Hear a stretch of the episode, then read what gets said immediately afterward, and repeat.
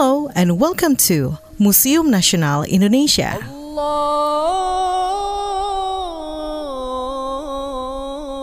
الله أكبر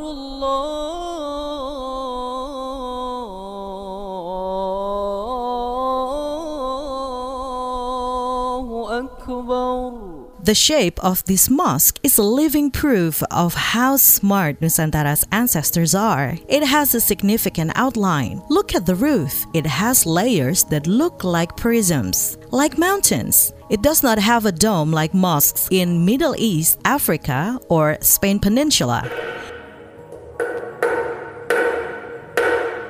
Experts say the mountain like shape is influenced by pre Islam tradition that honors the mountain as a symbol of life and strength.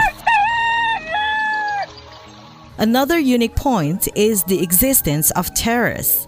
It's an extra part outside the mosque main structure. It can be for mass gathering and it also shows how our ancestors adapt to the nature. Living in a tropical country means we have to embrace the rain as well as the sun. The terrace was added as a clever way to prevent excessive sunlight and pouring rain so that people inside the main structure can stay focused in praying. Alhamdulillahi Rabbil Alameen.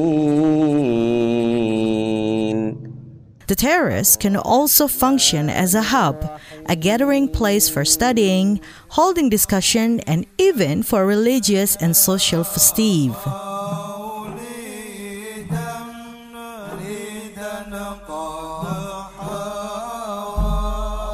This shows how mosques in Nusantara is not just a place for worship, but also for communal activities. The shape of this mosque also resembles how our ancestors' smart move to embrace new traditions and to respect cultural and environmental roots.